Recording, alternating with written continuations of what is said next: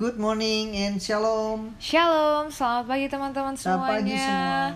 Hari ini nggak berasa ya udah kembali di hari Jumat. Waktunya kita akan cool nanti malam. Teman-teman jangan lupa kehadirannya ditunggu. Kita akan bersama-sama berfellowship ya.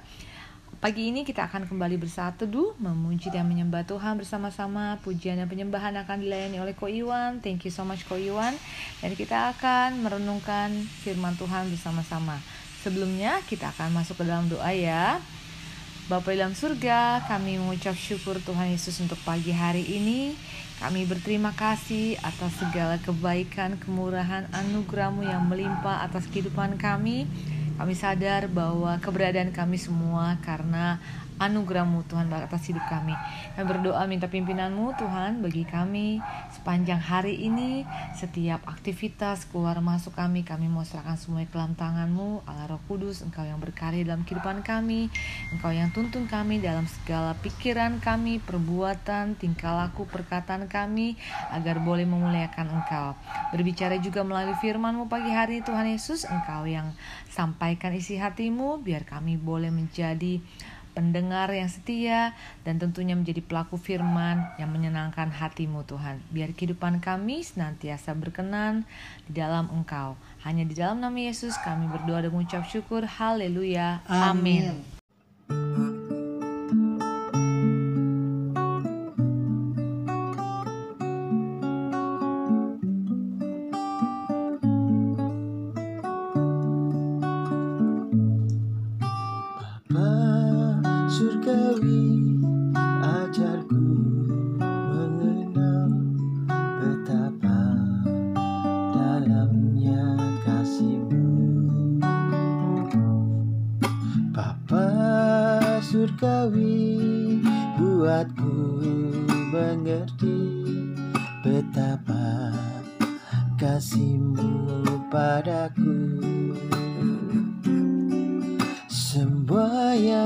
terjadi di dalam hidupku. Ajarku menyadari kau selalu sertaku. Beri hatiku selalu bersyukur padamu. Karena rencanamu indah bagiku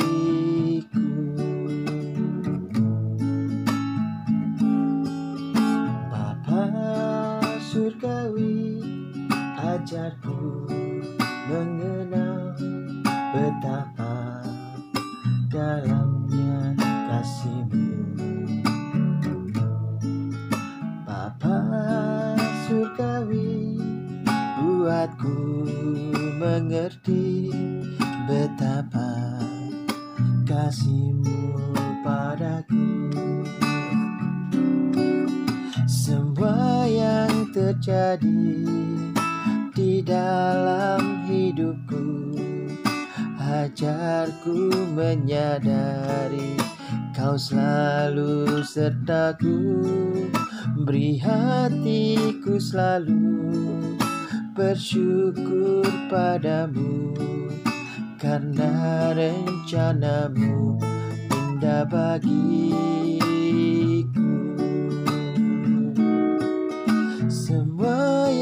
terjadi di dalam hidupku. Ajarku menyadari kau selalu sertaku. Beri hatiku selalu. Bersyukur padamu. Karena rencanamu indah bagiku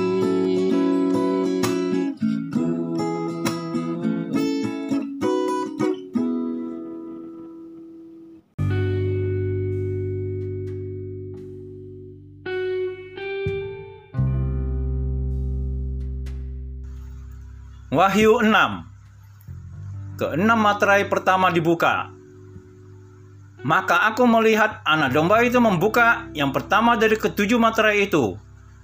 Dan aku mendengar yang pertama dari keempat makhluk itu berkata dengan suara bagaikan bunyi guru.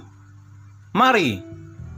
Dan aku melihat sesungguhnya ada seekor kuda putih dan orang yang menungganginya memegang sebuah panah dan kepadanya dikaruniakan sebuah mahkota. Lalu ia maju sebagai pemenang untuk merebut kemenangan. Dan ketika anak domba itu membuka materai yang kedua, aku mendengar makhluk yang kedua berkata, "Mari!" Dan majulah seekor kuda lain. Seekor kuda merah padam dan orang yang menungganginya dikaruniakan kuasa untuk mengambil damai sejahtera dari atas bumi. Sehingga mereka saling membunuh dan kepadanya dikaruniakan sebilah pedang yang besar.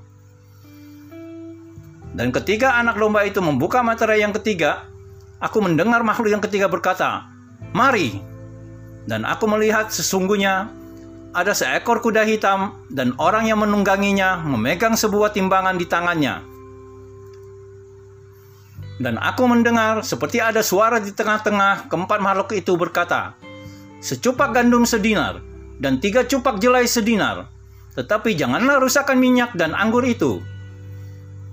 Dan ketika anak domba itu membuka materai yang keempat, aku mendengar suara makhluk yang keempat berkata, Mari. Dan aku melihat sesungguhnya ada seekor kuda hijau kuning dan orang yang menungganginya bernama Maut. Dan kerajaan Maut mengikutinya.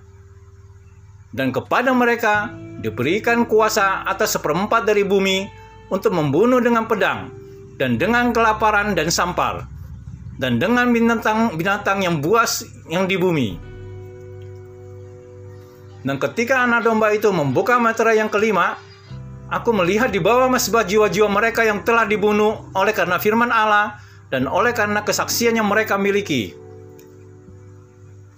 Dan mereka berseru dengan suara nyaring, katanya, Berapa lamakah lagi, ya penguasa yang kudus dan benar, engkau tidak menghakimi dan tidak membalaskan darah kami kepada yang mereka diam di bumi, dan kepada mereka masing-masing diberikan sehelai jubah putih, dan kepada mereka dikatakan bahwa mereka harus beristirahat sedikit waktu lagi hingga genap jumlah kawan-kawan pelayan dan saudara-saudara mereka yang akan dibunuh sama seperti mereka.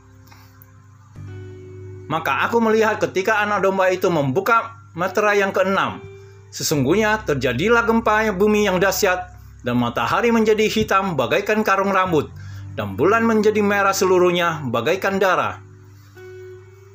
Dan bintang-bintang di langit berjatuhan ke atas bumi bagaikan pohon ara menggugurkan buah-buahnya yang mentah apabila ia digoncang angin yang kencang. Maka menyusurlah langit bagaikan gulungan kitab yang digulung dan tergeserlah gunung-gunung dan pulau-pulau dari tempatnya dan raja-raja di bumi dan pembesar-pembesar serta perwira-perwira dan orang-orang kaya serta orang-orang berkuasa dan semua budak serta orang merdeka bersembunyi ke dalam gua-gua dan celah-celah batu karang di gunung.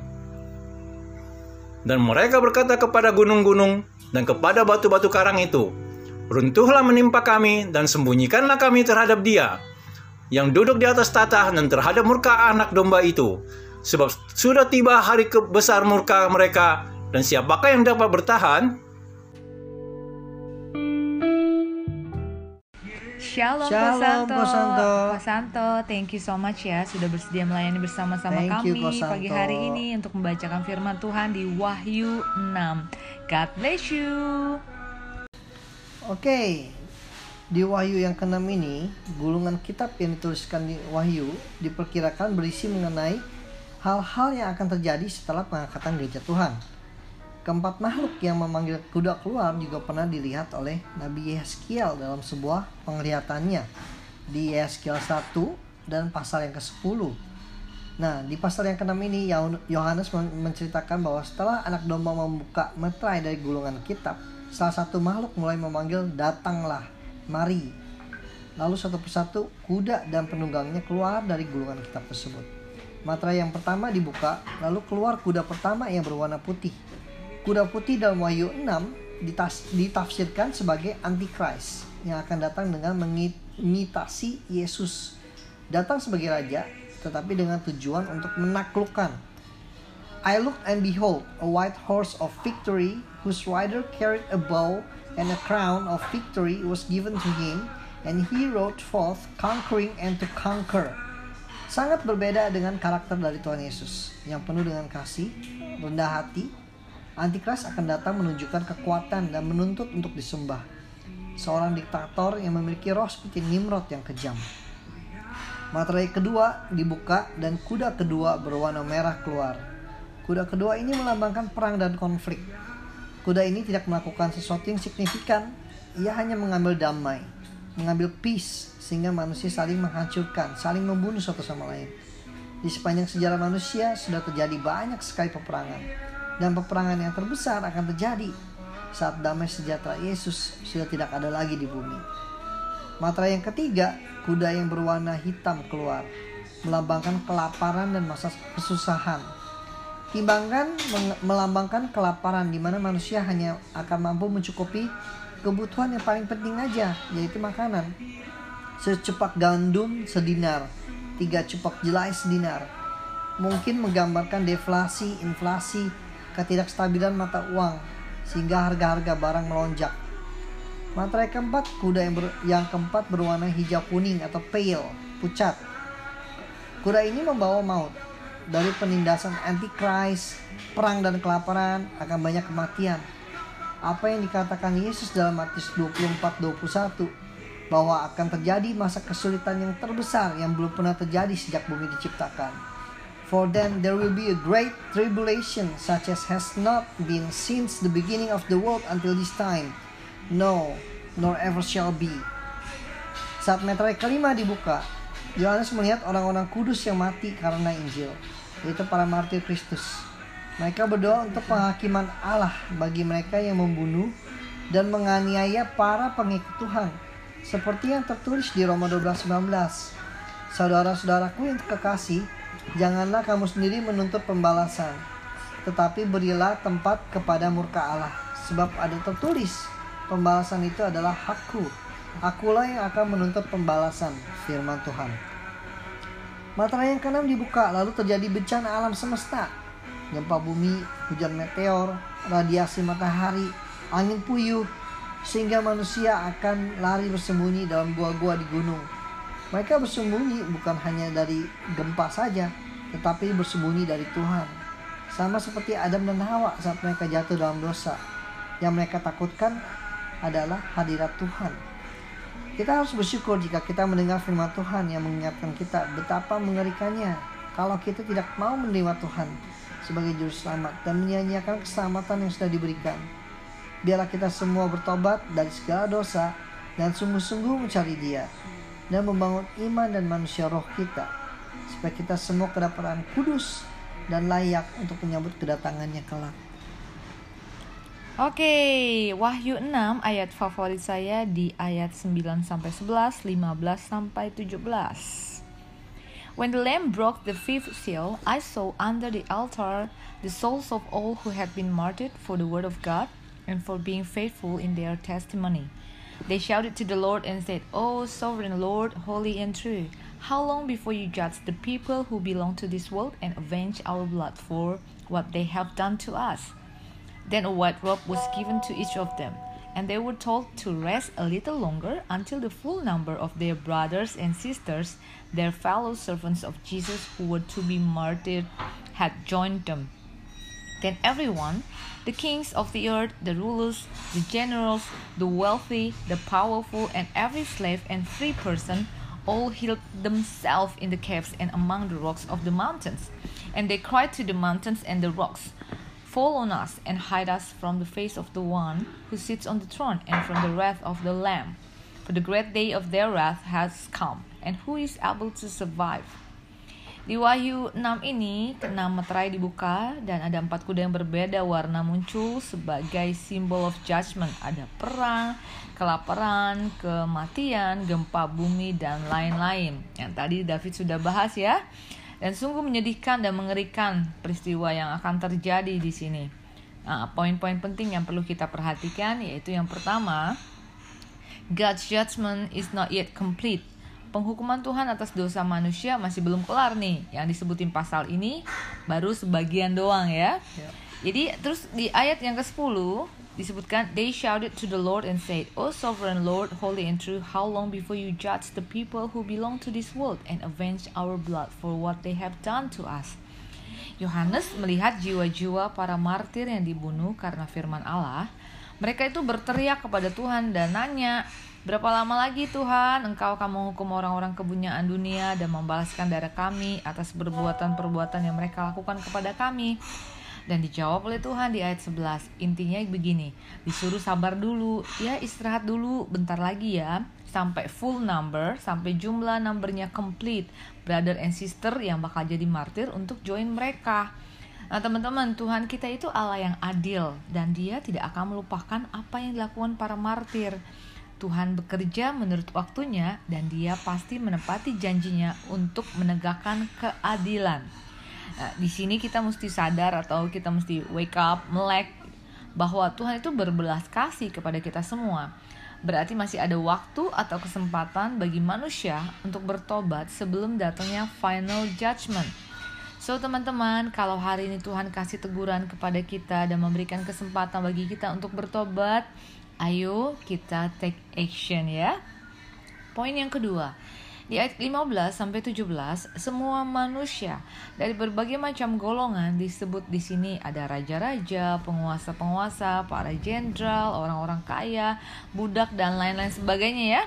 Pada ketakutan dan ngumpet, mereka tuh nggak berani menghadapi murka Tuhan. Tetapi teman-teman, kita semua nggak perlu takut ya, kita harus tetap tenang karena hal ini bukan hal yang menakutkan bagi orang-orang yang percaya dan setia kepada Tuhan. Mungkin bagi orang-orang yang tidak mengenal Tuhan, yang menolak Tuhan, yang sombong dan menganggap dirinya nggak perlu Tuhan dan nggak takut sama Tuhan, nah mereka itu yang perlu takut dan mereka itu yang akan menangis. Ketakutan pada hari penghakiman Tuhan. Sekarang kita perlu tanya kepada diri kita masing-masing. Am I belong to Christ? Apakah kita milik Tuhan Yesus? Apakah kita milik Kristus? Apakah kita sudah percaya kepada Tuhan Yesus Kristus? Kalau iya, kita nggak perlu takut. Tetapi kalau bukan, ayo teman-teman, kita make a decision to receive Christ as our Savior. Kita perlu mengambil langkah, kita perlu mengambil keputusan untuk menerima Tuhan Yesus sebagai Tuhan dan Juru Selamat dalam Amin. kehidupan kita. Oke teman-teman, tetap semangat semuanya, tetap setia dalam Yesus, dan tetap teguh berdiri dalam iman kepercayaan kita kepada Tuhan Yesus. Haleluya. Amin. Sekian hari ini, sampai jumpa lagi besok. Have a nice day. God, God bless bless you.